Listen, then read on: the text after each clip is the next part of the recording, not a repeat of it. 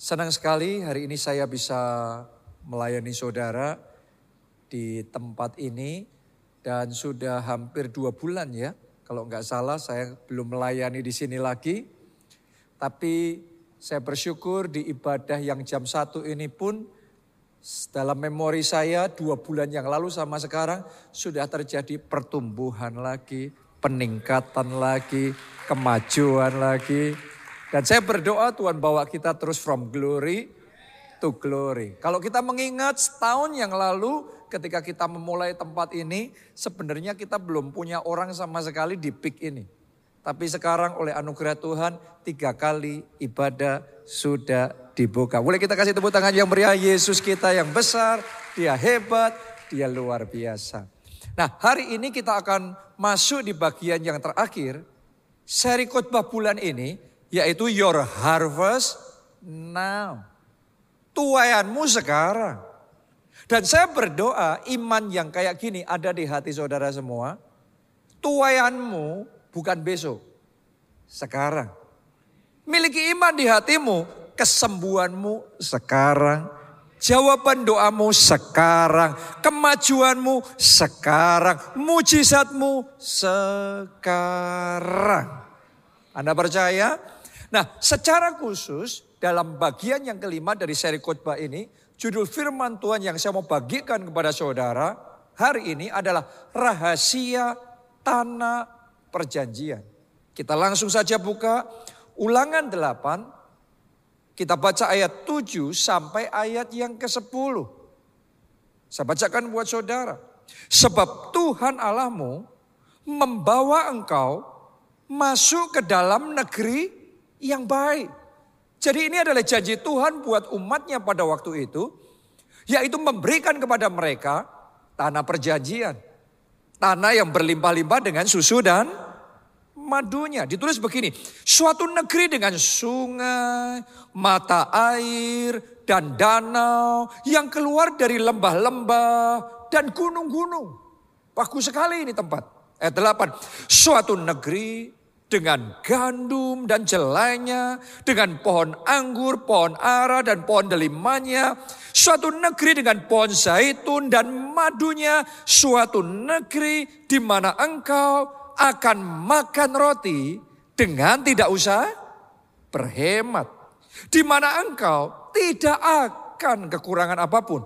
Suatu negeri yang batunya mengandung besi dan dari gunungnya akan kau gali tembaga dan engkau akan makan dan akan kenyang. Engkau akan memuji Tuhan Allahmu karena negeri yang baik yang diberikannya kepadamu itu. Sampai di situ pembacaan kita. Jadi ternyata di dalam benaknya Tuhan, Tuhan itu mau membawa umatnya masuk ke tanah perjanjian. Saya juga mau ngomong sama saudara. Tuhan juga mau membawa kita semua di tempat ini. Karena kita adalah umat Tuhan. Siapa di sini yang percaya Anda umat Tuhan? Boleh lambaikan tangan saudara.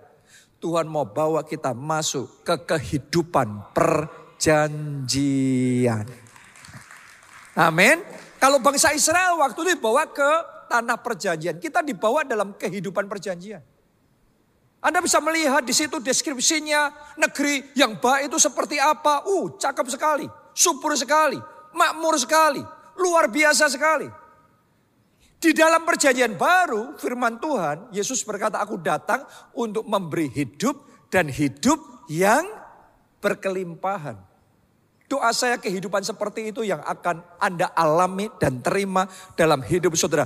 Kelimpahan dengan berkat, kelimpahan dengan anugerah, kelimpahan dengan sukacita, dengan kesehatan, dengan damai sejahtera, kelimpahan dengan hasil karya yang luar biasa, kelimpahan dengan prestasi, kelimpahan dengan buah-buah pertobatan, dan setiap area hidup saudara, kelimpahan, kelimpahan, kelimpahan, kelimpahan bahkan jadi berkat.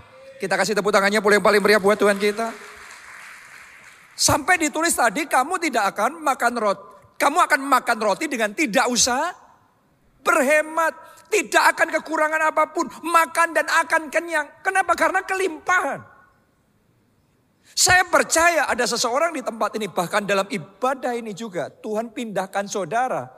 masuk di dalam dimensi kehidupan perjanjian ini.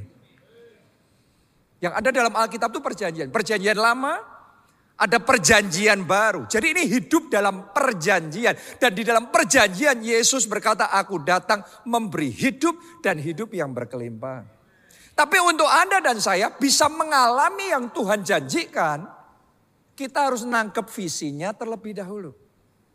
Kita harus bisa melihatnya dengan mata iman terlebih dahulu. Dalam hati kita, dalam spirit kita, kita harus bisa melihat itu. Jadi visi, jadi milik kita dalam hati kita terlebih dahulu. Mari kita baca bilangan 13 ayatnya mulai yang ke-17. Ditulis begini. Maka Musa menyuruh mereka mengintai tanah Kanaan. Apa yang mereka suruh? Apa yang Musa suruh mereka lakukan? Mengintai. Boleh nggak saudara katakan mengintai? Jadi tadi pertama tanah Kanaan, tanah perjanjian itu dijanjikan. Dimulai dari janji Tuhan. Setelah janji Tuhan dilanjutkan, mereka apa tadi? Mengintai. Mengintai itu melihat. Jadi janji Tuhan itu mereka lihat. Jadi visi. Coba sekali lagi semuanya katakan janji Tuhan. Terus kemudian yang berikutnya Anda katakan lagi visi Tuhan. Anda harus bisa melihat visi Tuhan. Karena itu ditulis Musa memerintahkan mereka untuk apa tadi? Mengintai. Yang sudah Tuhan janjikan sekarang mereka lihat. Mereka intai, mereka lihat sebagai visi mereka. Saya berdoa setiap janji Tuhan yang diberikan dalam hidup saudara. Anda bisa lihat itu sebagai visi dalam hidup saudara. Jadi visi, lihat itu dengan mata hatimu, dengan mata imanmu, dalam benakmu, dalam pikiranmu, lihat itu, itu visi. Percayai, imani, perkatakan, doakan, perjuangkan. Lihat itu sebagai visimu. Musa suruh mereka untuk mengintai. Lanjutkan lagi. Katanya kepada mereka, pergilah dari sini ke tanah Negeb. Dan naiklah ke pegunungan. Dan amat-amatilah bagaimana keadaan negeri itu. Padahal ini sudah dijanjikan Tuhan, tapi Tuhan suruh mereka mengamat-amati. Perhatikan, lihat itu, lihat baik-baik. Anda kalau mau visi Tuhan terjadi dalam hidup saudara, lihat baik-baik. Dalam spirit saudara, bahkan sebelum itu jadi realita, bahkan sebelum Anda terima kesembuhan itu, Anda terima kemenangan, Anda terima terobosan kemajuan itu, lihat itu dengan baik-baik. Ini Musa sedang mengajarkan bagaimana cara take over tanah perjanjian. Lanjutkan lagi pembacaannya itu. Apakah bangsa yang mendiaminya kuat atau lemah? Apakah mereka sedikit atau banyak? Dan bagaimana negeri yang didiaminya? Apakah baik atau buruk? Bagaimanakah kota-kota yang didiaminya? Apakah mereka diam di tempat-tempat yang terbuka atau di tempat-tempat yang berkubu? Tadi pagi saudaraku waktu saya persiapan ulang khotbah ini, saya baca di bagian ini tiba-tiba saya ingat ajaran dari Pastor Yonggi almarhum. Pendeta gereja terbesar di dunia zaman itu. Dia ngajarin prinsip visi itu, kita harus bisa lihat dengan details. Jadi kalau saudara kepengen dapat rumah mujizat, jangan cuma minta rumah Tuhan. Seperti apa rumah yang Anda mau? Satu lantai atau dua lantai? Modelnya modern atau klasik atau model Bali? Atau model seperti apa? Kamarnya berapa? Kamar tidurnya berapa? Itu yang diajarkan. Kalau saudara mau punya, mau ngalamin terobosan besar, Anda harus bisa melihat yang Anda doakan, yang engkau percaya Tuhan akan kerjakan dalam hidupmu. Dalam details. Buat yang masih jomblo, yang butuh pasangan hidup. Doa saudara gimana selama ini? Tuhan minta jodoh. Tapi jodohnya tadi disuruh lihat ini. Tanah perjanjian disuruh lihat. Yang seperti apa? Tanahnya gemuk atau kurus. Nah, saudara lihat belum? Jodoh yang kau minta dalam pandangan saudara, gemuk atau kurus, tinggi atau pendek? Yes.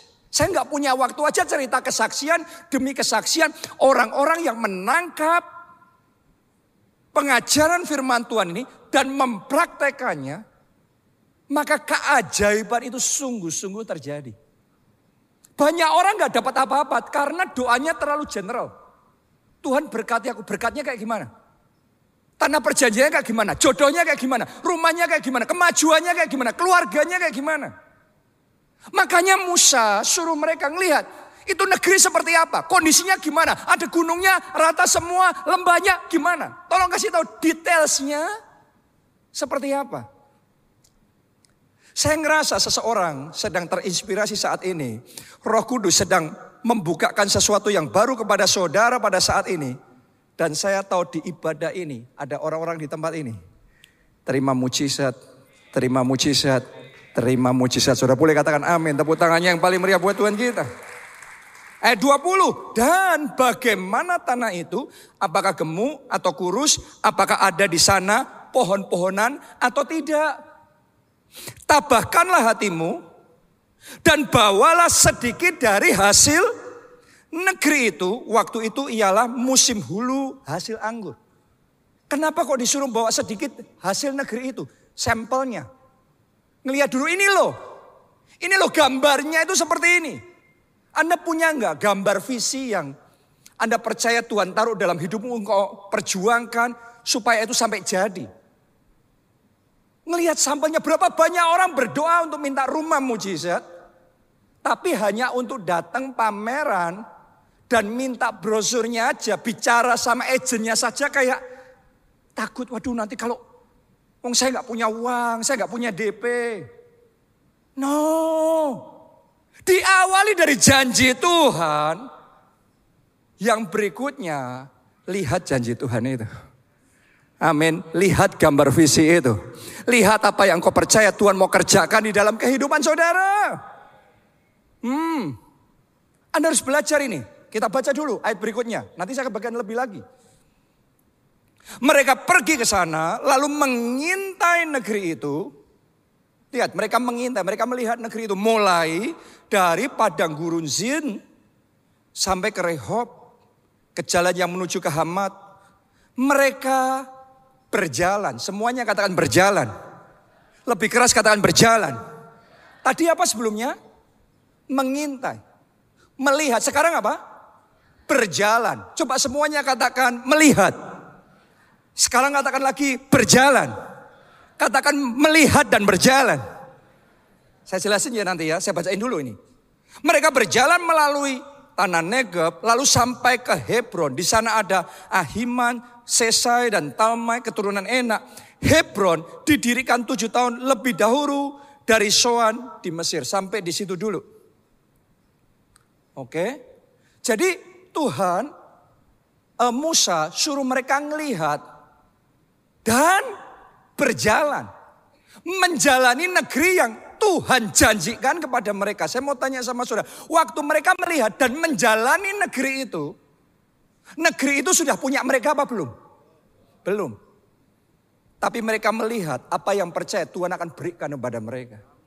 Mereka menjalani negeri itu menurut panjangnya dan lebarnya, daerah demi daerah, kota demi kota yang mereka percaya akan mereka dapatkan itu. Tahukah saudara yang mereka lakukan ini, yang Musa ajarkan supaya bangsa Israel lakukan, ini sebenarnya yang diajarkan oleh Tuhan kepada Abraham.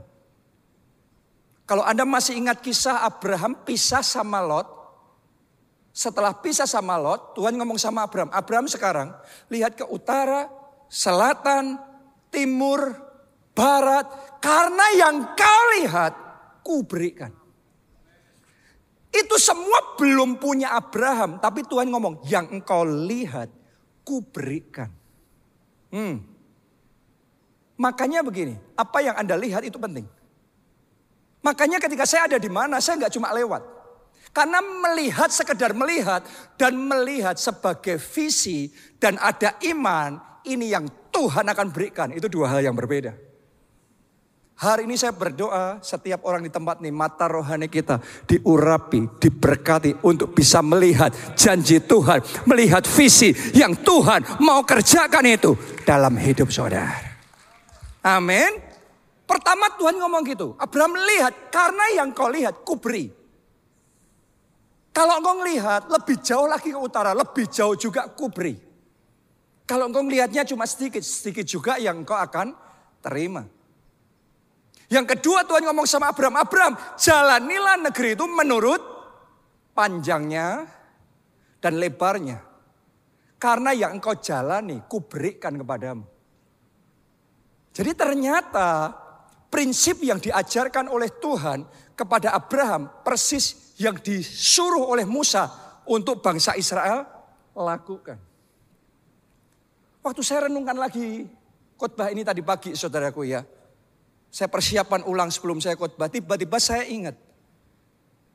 Dan saya ngerti persis ini yang dilakukan oleh Pastor Adeboye di Nigeria. Dia pertama kali dapat tempatnya itu dua hektar. Tapi setiap hari dari sejak muda sampai sekarang sudah puluhan tahun, dia umur 81 tahun. Tiap hari dia itu doa keliling. Nah banyak orang doa keliling cuma sekedar doa keliling. Tapi dia doa keliling untuk menjalankan seperti yang dijalankan oleh Abraham. Melihat, menjalani. Melihat, menjalani. Dia tiap hari doa keliling 7 km. Umur 81 tahun loh Mas Ian. Sudah sampai 81 tahun. Masih menjalani itu. Tapi tahukah saudara, tiap hari dia jalani 7 km, dia doa keliling. Dan Tuhan keep on expanding his territory. Tuhan terus memperluas dari 2 hektar jadi 20 hektar, jadi 100 hektar, jadi 1000 hektar, sekarang 50 ribu hektar. Setengah miliar meter persegi melihat menjalani, melihat menjalani. Banyak orang kalau disuruh melihat, buat apa? Ngelihat-ngelihat pameran. Ngelihat-ngelihat lokasi, DP-nya aja nggak punya, nggak usah mulu-mulu. Makanya nggak dapat. Hari ini Tuhan ngomong sama kita semua. Lihat utara, selatan, timur, dan barat yang engkau lihat, yang engkau percayai, yang engkau jalani ku berikan. Akan ada seseorang di sini, wilayahmu diperbesar oleh Tuhan. Influensmu diperluas oleh Tuhan. Anugerahmu, dominion di dalam kehidupanmu dilipat gandakan oleh Tuhan. Tahukah saudara ini sebenarnya juga yang waktu itu saya belum sadar sepenuhnya, tapi saya lakukan. Pertama kali kita ibadah di Jakarta, kita mulai kembali gereja kita ini, ibadah kita ada di Cideng. Siapa yang pada zaman itu sudah ada waktu kita masih ibadah di Cideng? Boleh angkat tangan? Oke, ada ya. Ada beberapa di sini. Cideng itu kan di Jakarta Pusat. Tapi waktu saya keliling Jakarta, saya melihat ke utara, selatan, timur, barat, tiba-tiba mata saya tertuju. Central Park. Saya ngomong begini, kalau kita beli tempat suatu saat kita harus beli di CP, di Central Park, di Podomoro City pada waktu itu. Dan kita belum punya uang. Tapi nekat aja. Kita ngeliat. Kita ketemu sama agentnya. Kita ketemu sama pimpinannya bahkan. Saya ingat sekali waktu itu mereka lagi pasarin APL Tower. Wih gagah sekali saya ketemu dan bicara sama mereka. Padahal belum punya uang. Tapi percaya bagi Tuhan. Tidak ada yang mustahil. Dan ketika saya tanya gimana bisa nggak gereja kita beli di sini. Saya tanya harganya, saya kaget saudaraku. Mungkin nggak tahu lebih baik saudaraku ya. Saya kaget, tapi saya tetap percaya. Walaupun nggak punya uang. Dan memang tidak bisa beli sampai bertahun-tahun. Sudah ngeliat, sudah doain, sudah menjalani. Tidak bisa beli sampai bertahun-tahun. Tapi saya mau ngomong begini, visi itu kayak gitu. Kalau engkau percaya dan tetap tidak bisa, jangan pernah lepaskan visi itu. Tetap percaya di hatimu, bagi Tuhan tidak ada yang mustahil. Dan Tuhan sanggup membuat yang tidak ada jadi ada. Lama bertahun-tahun kita nggak ngelihat apa-apa. Tiba-tiba suatu saat dengan caranya yang ajaib. Terobosan terjadi. Akhirnya kita dari Cideng pindah ke APL. Dan sampai di APL ngeliat lebih lagi dari APL pindah ke Soho Capital. Itu pun sudah sebuah sukacita dan anugerah. Dimulai dari melihat, menjalani, melihat, menjalani. Waktu kita masih ada di Podomoro City, di Central Park. Saya itu sering sama istri saya, kalau makan keluar, kita kepik. Dan kita suka makan di ruko-ruko situ. Dan kalau Pak Obaja datang ke Jakarta, makan bareng sama kita, kita ajak ke sini. Terus kemudian kalau saya uh, menjamu mertua saya datang ke Jakarta, saya selalu ajak makan di daerah Peak. Dan kemudian saya ngomong begini, suatu saat kalau gereja kita punya tempat landed, kita mau ada di Peak. Itu perkataan yang saya ucapkan walaupun pada waktu itu melihat rasanya nggak mungkin. Anda ingat-ingat aja. Keadaan waktu itu seperti apa? Karena pik itu isinya semuanya ruko. Ruko kan nggak terlalu luas, kecil-kecil dan harganya minta ampun sekali. Jadi bagaimana mungkin? Itu nggak kepikir, nggak kebayang, tapi saya nggak peduli itu. Makanya gini, kalau saudara mengukur janji Tuhan selalu melihat dengan keadaanmu. Engkau janji Tuhan sembuh, tapi kan kenyataannya sakit. Laboratorium ngomongnya begini, Saudara nggak bisa ngalami mujizat kalau engkau selalu membatasi Tuhan dengan keterbatasanmu. Mulai hari ini buka batasan-batasan saudara. Apa pun itu janji Tuhan yang Tuhan mau kerjakan dalam hidup saudara. He is the unlimited God. Dia Tuhan tanpa batas. Kalau engkau percaya yang tidak terbatas pun Tuhan kerjakan dalam hidupmu. Amin.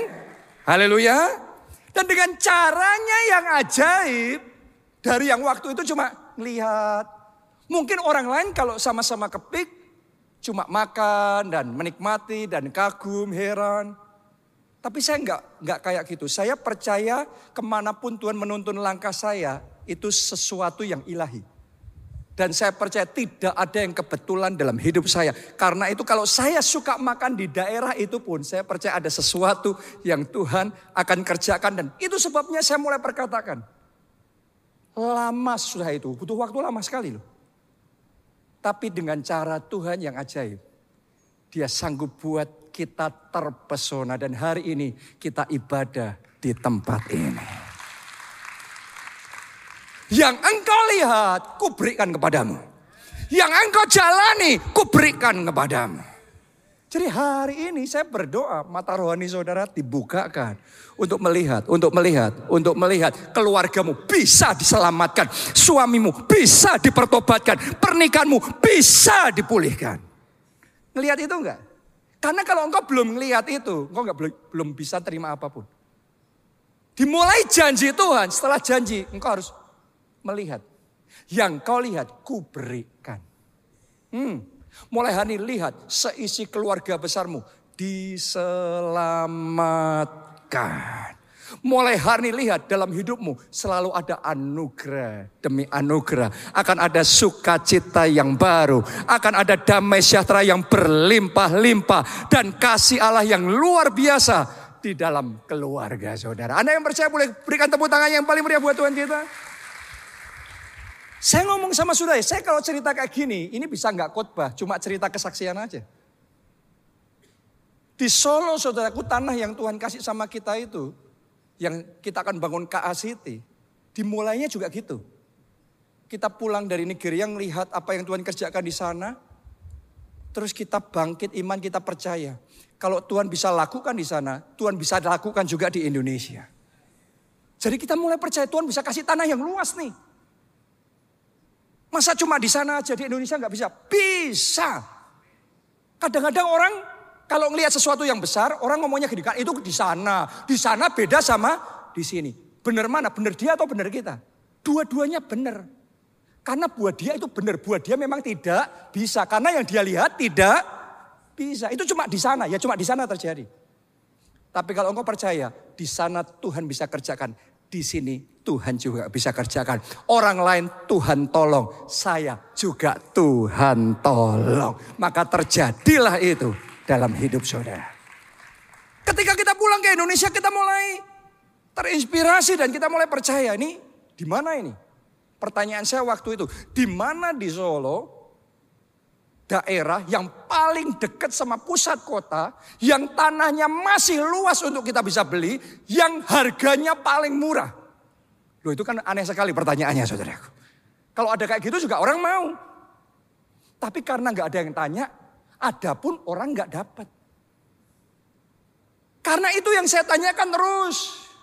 Saya tanya, saya ketemu sama orang, saya survei, saya ajak Pak Obaja, saya ke Solo, saya ajak Pak Obaja, naik mobil ke utara, ke selatan, ke timur, ke barat, terus ketemu, ngobrol, research, terus cari. Dan dengan caranya yang ajaib Tuhan tuntun ke situ. Ada yang pernah diajak ke sana ya, kalau trafficnya normal, nggak pas crowded. Kalau normal itu dari pusat kota, dari balai kota, dari gereja kita sampai ke tanah 20 hektar itu hanya 15 menit. Dan kita dapat itu luas, saya berdoa dan percaya keep on expanding. Dan kita dapat itu benar-benar dengan harga mujizat. Karena bagi Tuhan tidak ada yang mustahil. Seseorang sedang Tuhan berikan rumah mujizat jodoh mujizat, anak mujizat, kemenangan mujizat, proyek mujizat yang tidak masuk akal, yang terlalu besar, tapi karena engkau percaya. Sekarang saya berdoa, terjadilah, terjadilah, terjadilah, terjadilah. Katakan amin tiga kali. Amin, amin, amin. Tepuk tangannya yang paling meriah buat Tuhan kita. Lanjutkan pembacaan tadi. Ayat yang ke-23. Ketika mereka sampai ke lembah Eskol, dipotong mereka lah di sana suatu cabang dengan standan buah anggurnya. Disuruh motong cuma standan aja. Lalu, lalu apa? Berdualah mereka menggandarnya. Sampai itu aja pembacaan kita. Standan buah anggur, tapi harus dipikul berapa banyak orang? dua orang. Ada di sini yang beli stand dan buah anggur di supermarket harus dipikul dua orang? Kita bawanya cuma gini saudaraku. Ada nggak ya gambarnya ya? Tapi anggur di tanah perjanjian, besarnya lihat. Itu kayak manusia, bahkan lebih besar dari manusia. Karena itu harus digotong oleh dua orang. Saya mau ngomong begini sama saudara, panennya di tanah perjanjian berkali lipat. Jauh lebih banyak dibandingkan tanah-tanah yang lain. Ada seseorang di sini berani percaya itu. Tuhan bawa hidupmu ke hidup perjanjian. Mulai hari ini akan ada panen berkali lipat, akan ada kemenangan berkali lipat, akan ada kesehatan berkali lipat, akan ada kebahagiaan berkali lipat, damai sejahtera berkali lipat dalam hidup saudara. Tepuk tangannya pula yang paling meriah buat Tuhan kita. Pekerjaannya sama, bidangnya sama, karirnya sama. Begitu engkau dipindahkan sama Tuhan ke dimensi hidup perjanjian, tanah perjanjian. Hasilnya berkali lipat. Sama-sama melayani Tuhan, sama-sama bersaksi mulai hari ini. Yang akan bertobat, keselamatan jiwa-jiwa yang akan terjadi, Tuhan kerjakan melalui hidup saudara. Berkali lipat. Hidup saudara akan dipakai oleh Tuhan selama mungkin sekian tahun. Dari bertobat sampai hari ini Anda belum pernah berhasil untuk bawa jiwa buat Yesus. Tapi begitu Tuhan urapi, Tuhan berkati, saudara Tuhan pindahkan Anda masuk ke dimensi perjanjian. Maka seisi keluargamu akan dipertobatkan. Teman-temanmu akan diselamatkan. Untuk kemuliaan nama Tuhan. Tepuk tangannya yang paling meriah buat Tuhan kita. Panen berkali lipat dimulai dalam hidup saudara. Tepuk tangannya sekali lagi yang paling meriah buat Tuhan kita. Nah pertanyaannya sekarang, kok bisa di tanah perjanjian kayak gitu? Apa yang menyebabkan panennya bisa berkali lipat? Besar sekali. Mari kita baca ulangan 11, ayat 10, kita mulai. Sebab negeri ke mana engkau masuk untuk mendudukinya bukanlah negeri seperti tanah Mesir dari mana kamu keluar. Yang setelah ditabur dengan benih harus kau airi dengan jerih payah seakan-akan kebun sayur. Jadi di babak sebelumnya mereka sudah bercocok tanam tapi itu susah sekali hasilnya pun terbatas. Nah ini di compare nih sama di tanah perjanjian gimana? Lihat ini, ayat 11. Tetapi negeri ke mana kamu pergi mendudukinya ialah negeri yang bergunung-gunung dan berlembah-lembah. Yang mendapat air, semuanya katakan air. Sebanyak hujan yang turun dari langit. Suatu negeri yang dipelihara oleh Tuhan Allahmu, mata Tuhan Allahmu tetap mengawasinya dari awal sampai akhir tahun. Jadi ternyata yang membuat tanah perjanjian itu dibandingkan dengan tanah-tanah lain di daerah sana begitu subur, hasilnya begitu melimpah dan luar biasa adalah karena di tempat itu airnya melimpah. Tanahnya sama, pertaniannya sama, benihnya sama. Kalau yang satu airnya sedikit dan yang satunya lagi airnya melimpah, hasilnya beda loh.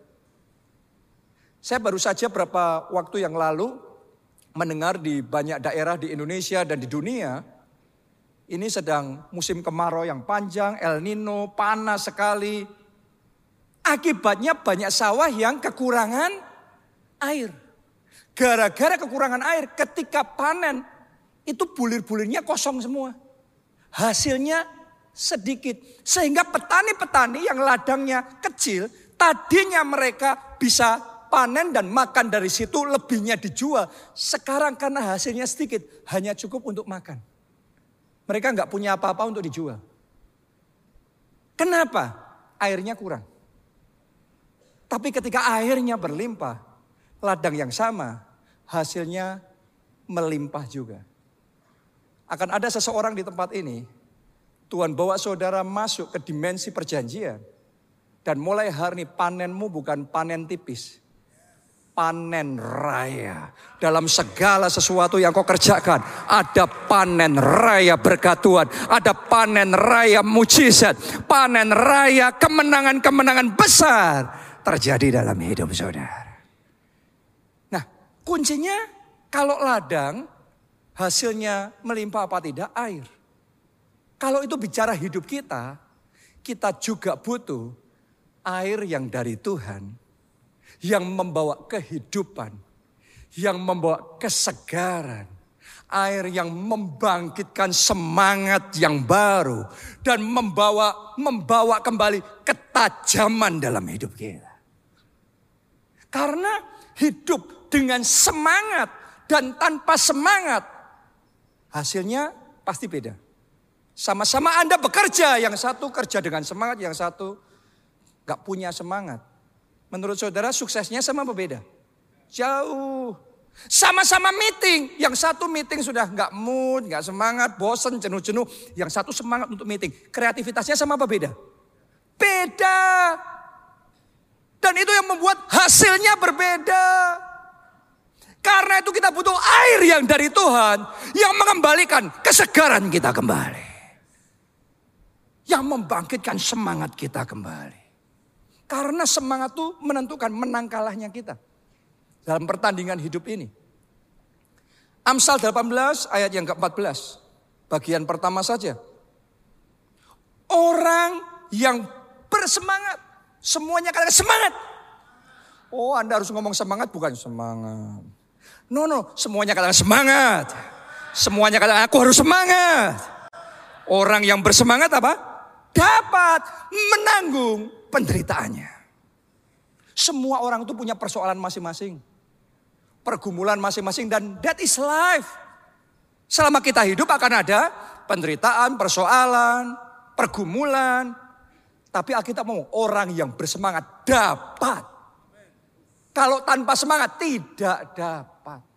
Jadi dapat atau tidak, menang atau tidak, dipengaruhi semangat apa tidak.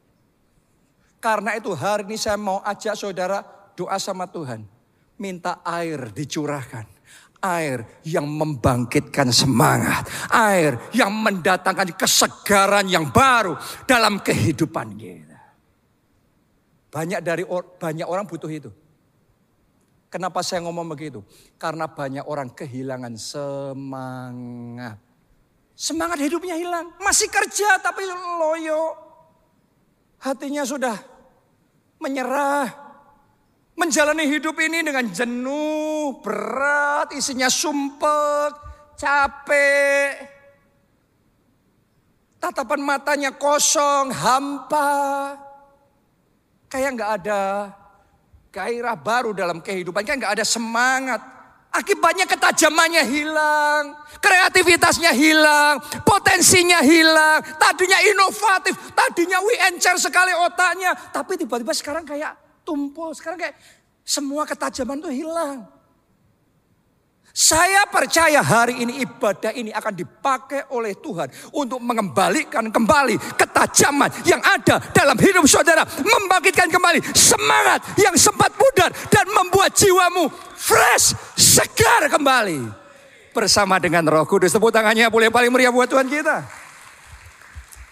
Ini yang Tuhan kerjakan untuk Elia. Dan Tuhan juga mau kerjakan untuk hidup saudara. Pernikahanmu akan disegarkan kembali. Masa depanmu akan disegarkan kembali. Keluargamu, kesehatanmu disegarkan kembali sama Tuhan. Karena ada air kehidupan itu. Air yang dari Tuhan yang membawa kesegaran. Nah mari kita lihat yang dialami oleh Nabi Elia. Kalau saudara ingat kisah Nabi Elia yang sangat terkenal. Dia perang melawan Nabi Baal, ratusan, dan dia menang. Tapi setelah menang, setelah dia menang, muncul lawan baru, yaitu Isabel, ini ratunya, yang ngancam dan mengintimidasi, mati kamu, mau dibunuh. Saudaraku sampai di titik tertentu, orang berjuang, berjuang, berjuang, berjuang. Kalau terus saja ada lagi, ada lagi. Persoalan gak habis-habis lagi. Lama-lama capek deh. Itu yang dialami oleh Eli Elia. Dia capek. Dia benar-benar jenuh banget dengan pelayanannya, dengan situasinya. Dia ngerasa hatinya berat sekali sampai ditulis dalam Alkitab rasanya mau mati. Adakah di antara saudara di tempat ini yang ngerasa seperti yang dirasakan Elia, jenuh dengan hidup ini, capek dengan keluarga yang namanya keluarga, capek ngurusin keluarga. Bosen sekali dengan pekerjaan yang kau lakukan sekarang ini. Tapi Anda kayaknya nggak berkutik. Kayaknya nggak berdaya dan nggak bisa apa-apa. Itu yang dialami oleh Elia pada waktu itu. Nah, anda yang dalam situasi seperti itu, mari kita lihat apa yang Tuhan kerjakan untuk memulihkan Elia. Kita baca di dalam satu Raja-Raja 19 ayat yang kelima sampai ayat yang ke-8. Sesudah itu ia berbaring, lihat ini, Elia berbaring dan apa? Tidur di bawah pohon arar itu. Jadi waktu Elia capek yang pertama dia lakukan apa? Tidur. Kadang-kadang orang capek karena kurang tidur, mikirin masalah terus, masalah stres terus. Kurang tidur. Nah buat Anda yang kurang tidur, saya mau ngomong tidur. Tapi nanti di rumah ya, jangan sekarang ya. Karena sementara kita tidur, kekuatan jasmani kita juga dipulihkan. Yang mengerti katakan amin saudara. Nabi pun butuh tidur. Sekelas Elia pun butuh tidur. Anda juga butuh tidur. Lanjutkan itu. Tetapi tiba-tiba seorang malaikat menyentuh dia serta berkata kepadanya, bangunlah, makanlah. Ketika ia melihat sekitarnya, maka pada sebelah kepalanya ada apa? Coba Anda baca, ada apa? Roti bakar dan sebuah kendil berisi air. Lalu ia makan dan minum. Kemudian berbaring pula. Boleh lihat ke depan sini? Elia ini sedang menghadapi ancaman dari Isabel, seorang ratu yang pasukannya besar, yang mengancam mau bunuh dia. Elia ini sedang ada di tengah peperangan yang bahaya. Tapi kenapa yang Tuhan kasih sama Elia bukan pedang dan tombak? Bukan pedang dan tameng, bukan senjata. Kenapa yang dikasih sama Tuhan? Roti dan air. Saya mau ngomong begini sama saudara. Senjata sepowerful apa pun di tangan orang yang lagi lesu, senjata itu sia-sia. Engkau punya kepandaian seperti apa pun, koneksi seperti apa pun, kalau jiwamu masih lesu, semua potensi akan terkubur. Jadi sia-sia. Anda punya yang hebat di tangan saudara, orang lain ngiri-ngiri.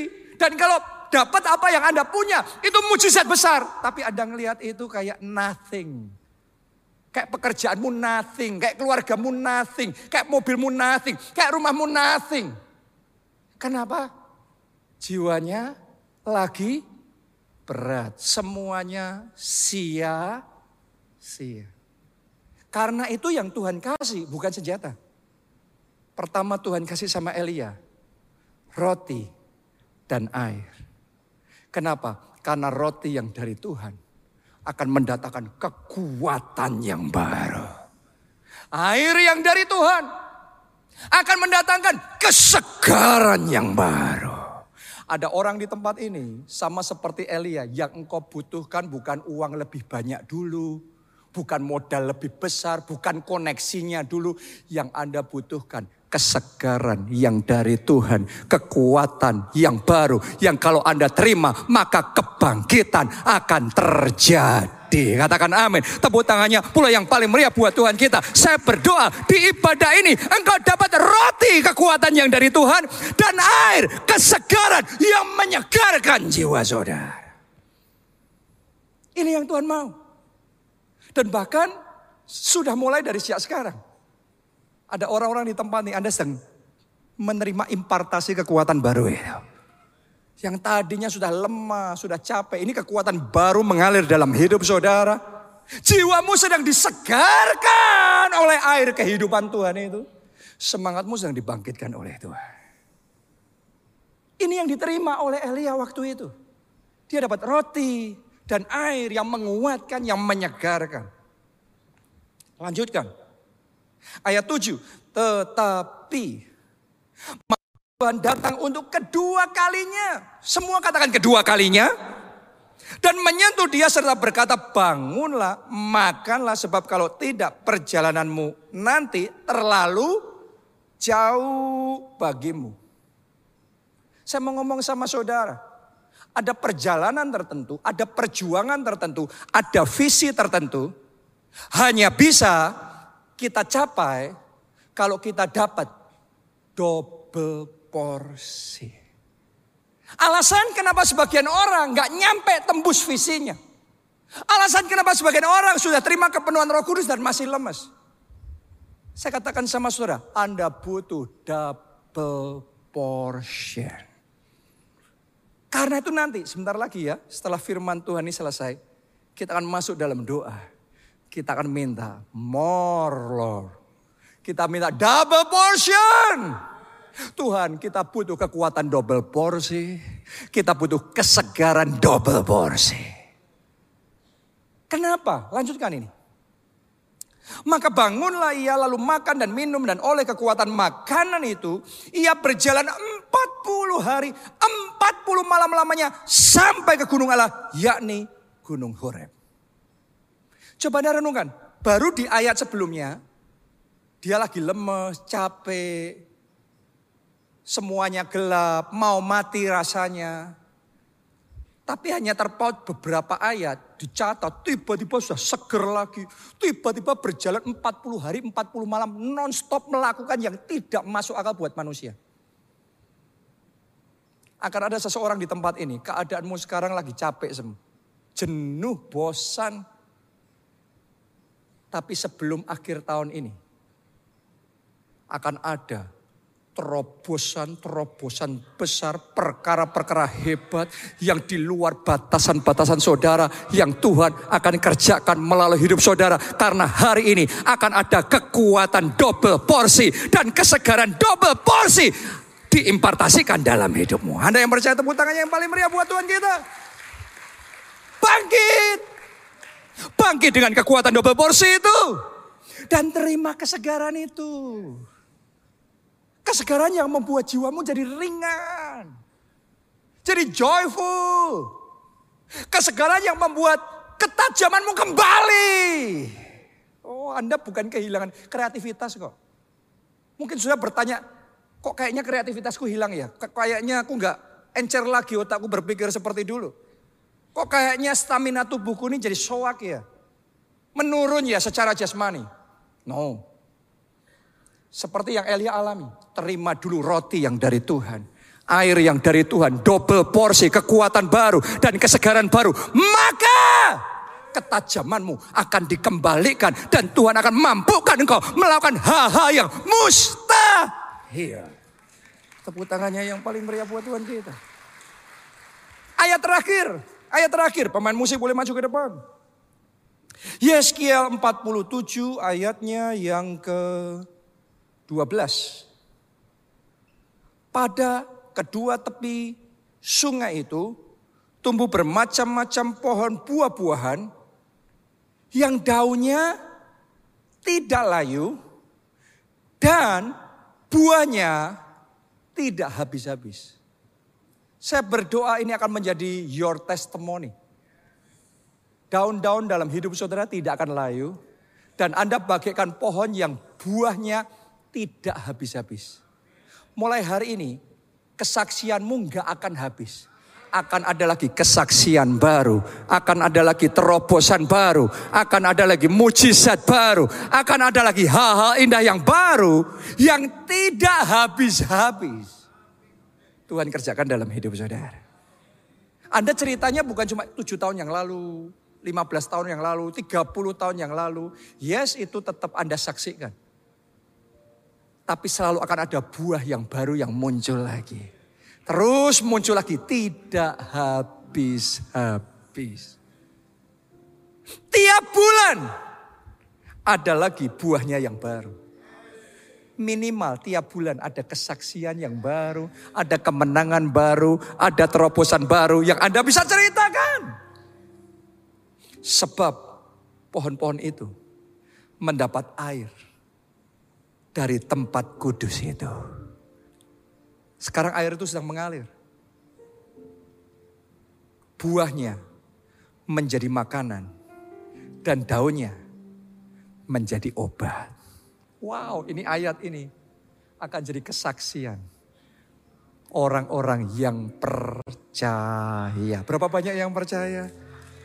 Kita kasih tepuk tangan yang paling meriah buat Tuhan kita. Mari kita bangkit berdiri. Bangkit berdiri. Tahukah saudara, Tuhan itu sumber kekuatan. Manusia dengan segala kegemilangannya, kekuatannya terbatas. Tapi kekuatan Tuhan unlimited, tanpa batas. Dia sumber kesegaran juga. Kalau Anda jadikan dia sebagai sumbermu, hidupmu nggak akan pernah layu, semangatmu nggak akan pernah pudar, kreativitasmu nggak akan pernah habis, solusi-solusi, ide-ide yang muncul nggak akan pernah buntu, selalu ada. Tapi sumbernya Tuhan. Karena itu saya mau beri kesempatan buat saudara yang belum pernah undang Yesus sebagai Tuhan dan Juru Selamat. Ayo buka hati saudara. Ajak dia masuk. Jadi Tuhan dan Juru Selamatmu Engkau akan terima pengampunan dosa. Engkau akan terima hidup yang kekal, jaminan yang pasti bisa masuk dalam kerajaan surga. Dan dia akan menjadi sumber kehidupan saudara.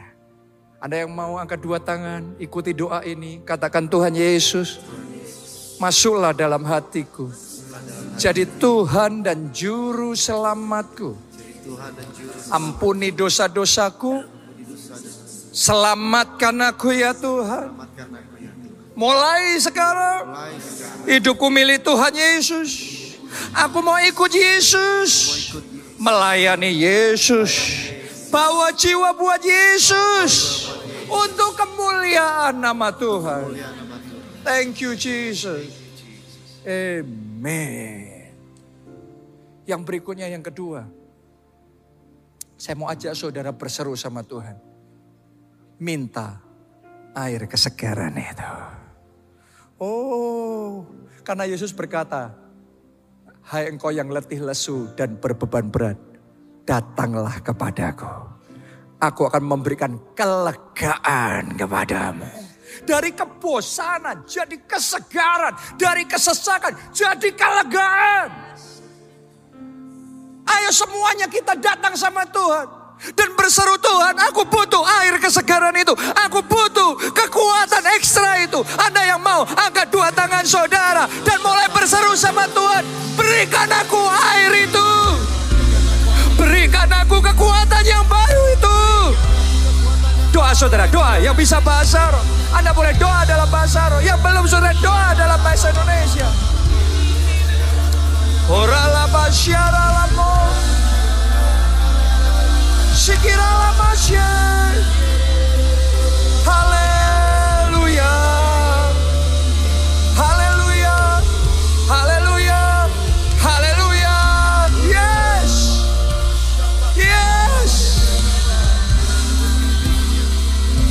Kekuatan baru. Sekarang terima. New strength from above. Kekuatan baru dari Roh Kudus. Terima. Kuasa Roh Kudus, terima. Air hidupnya,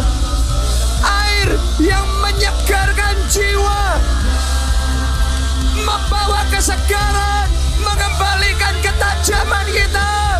Sekarang tercurah, tercurah, tercurah, tercurah tercurah, tercurah.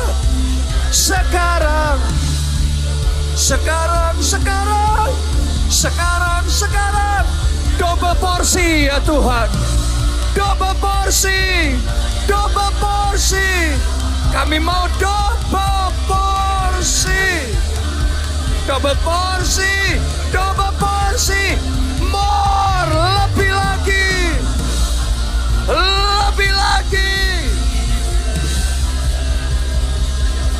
Haleluya. Pertolonganku datang darimu Tuhan. Pertolonganku.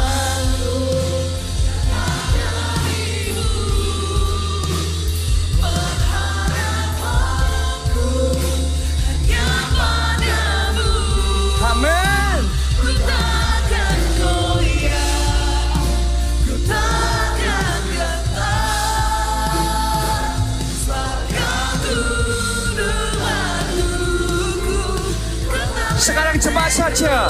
Pertolonganku. Pengharapanku. Kekuatanku. Kesegaranku. Kemenanganku. Amin. Amin. Mari semuanya. Yang terakhir.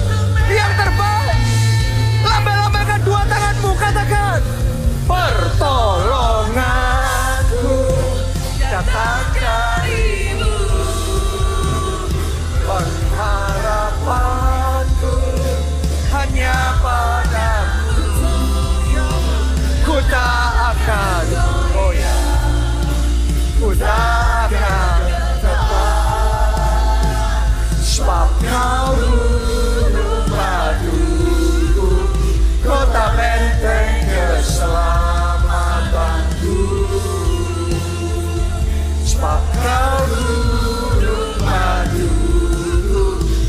baru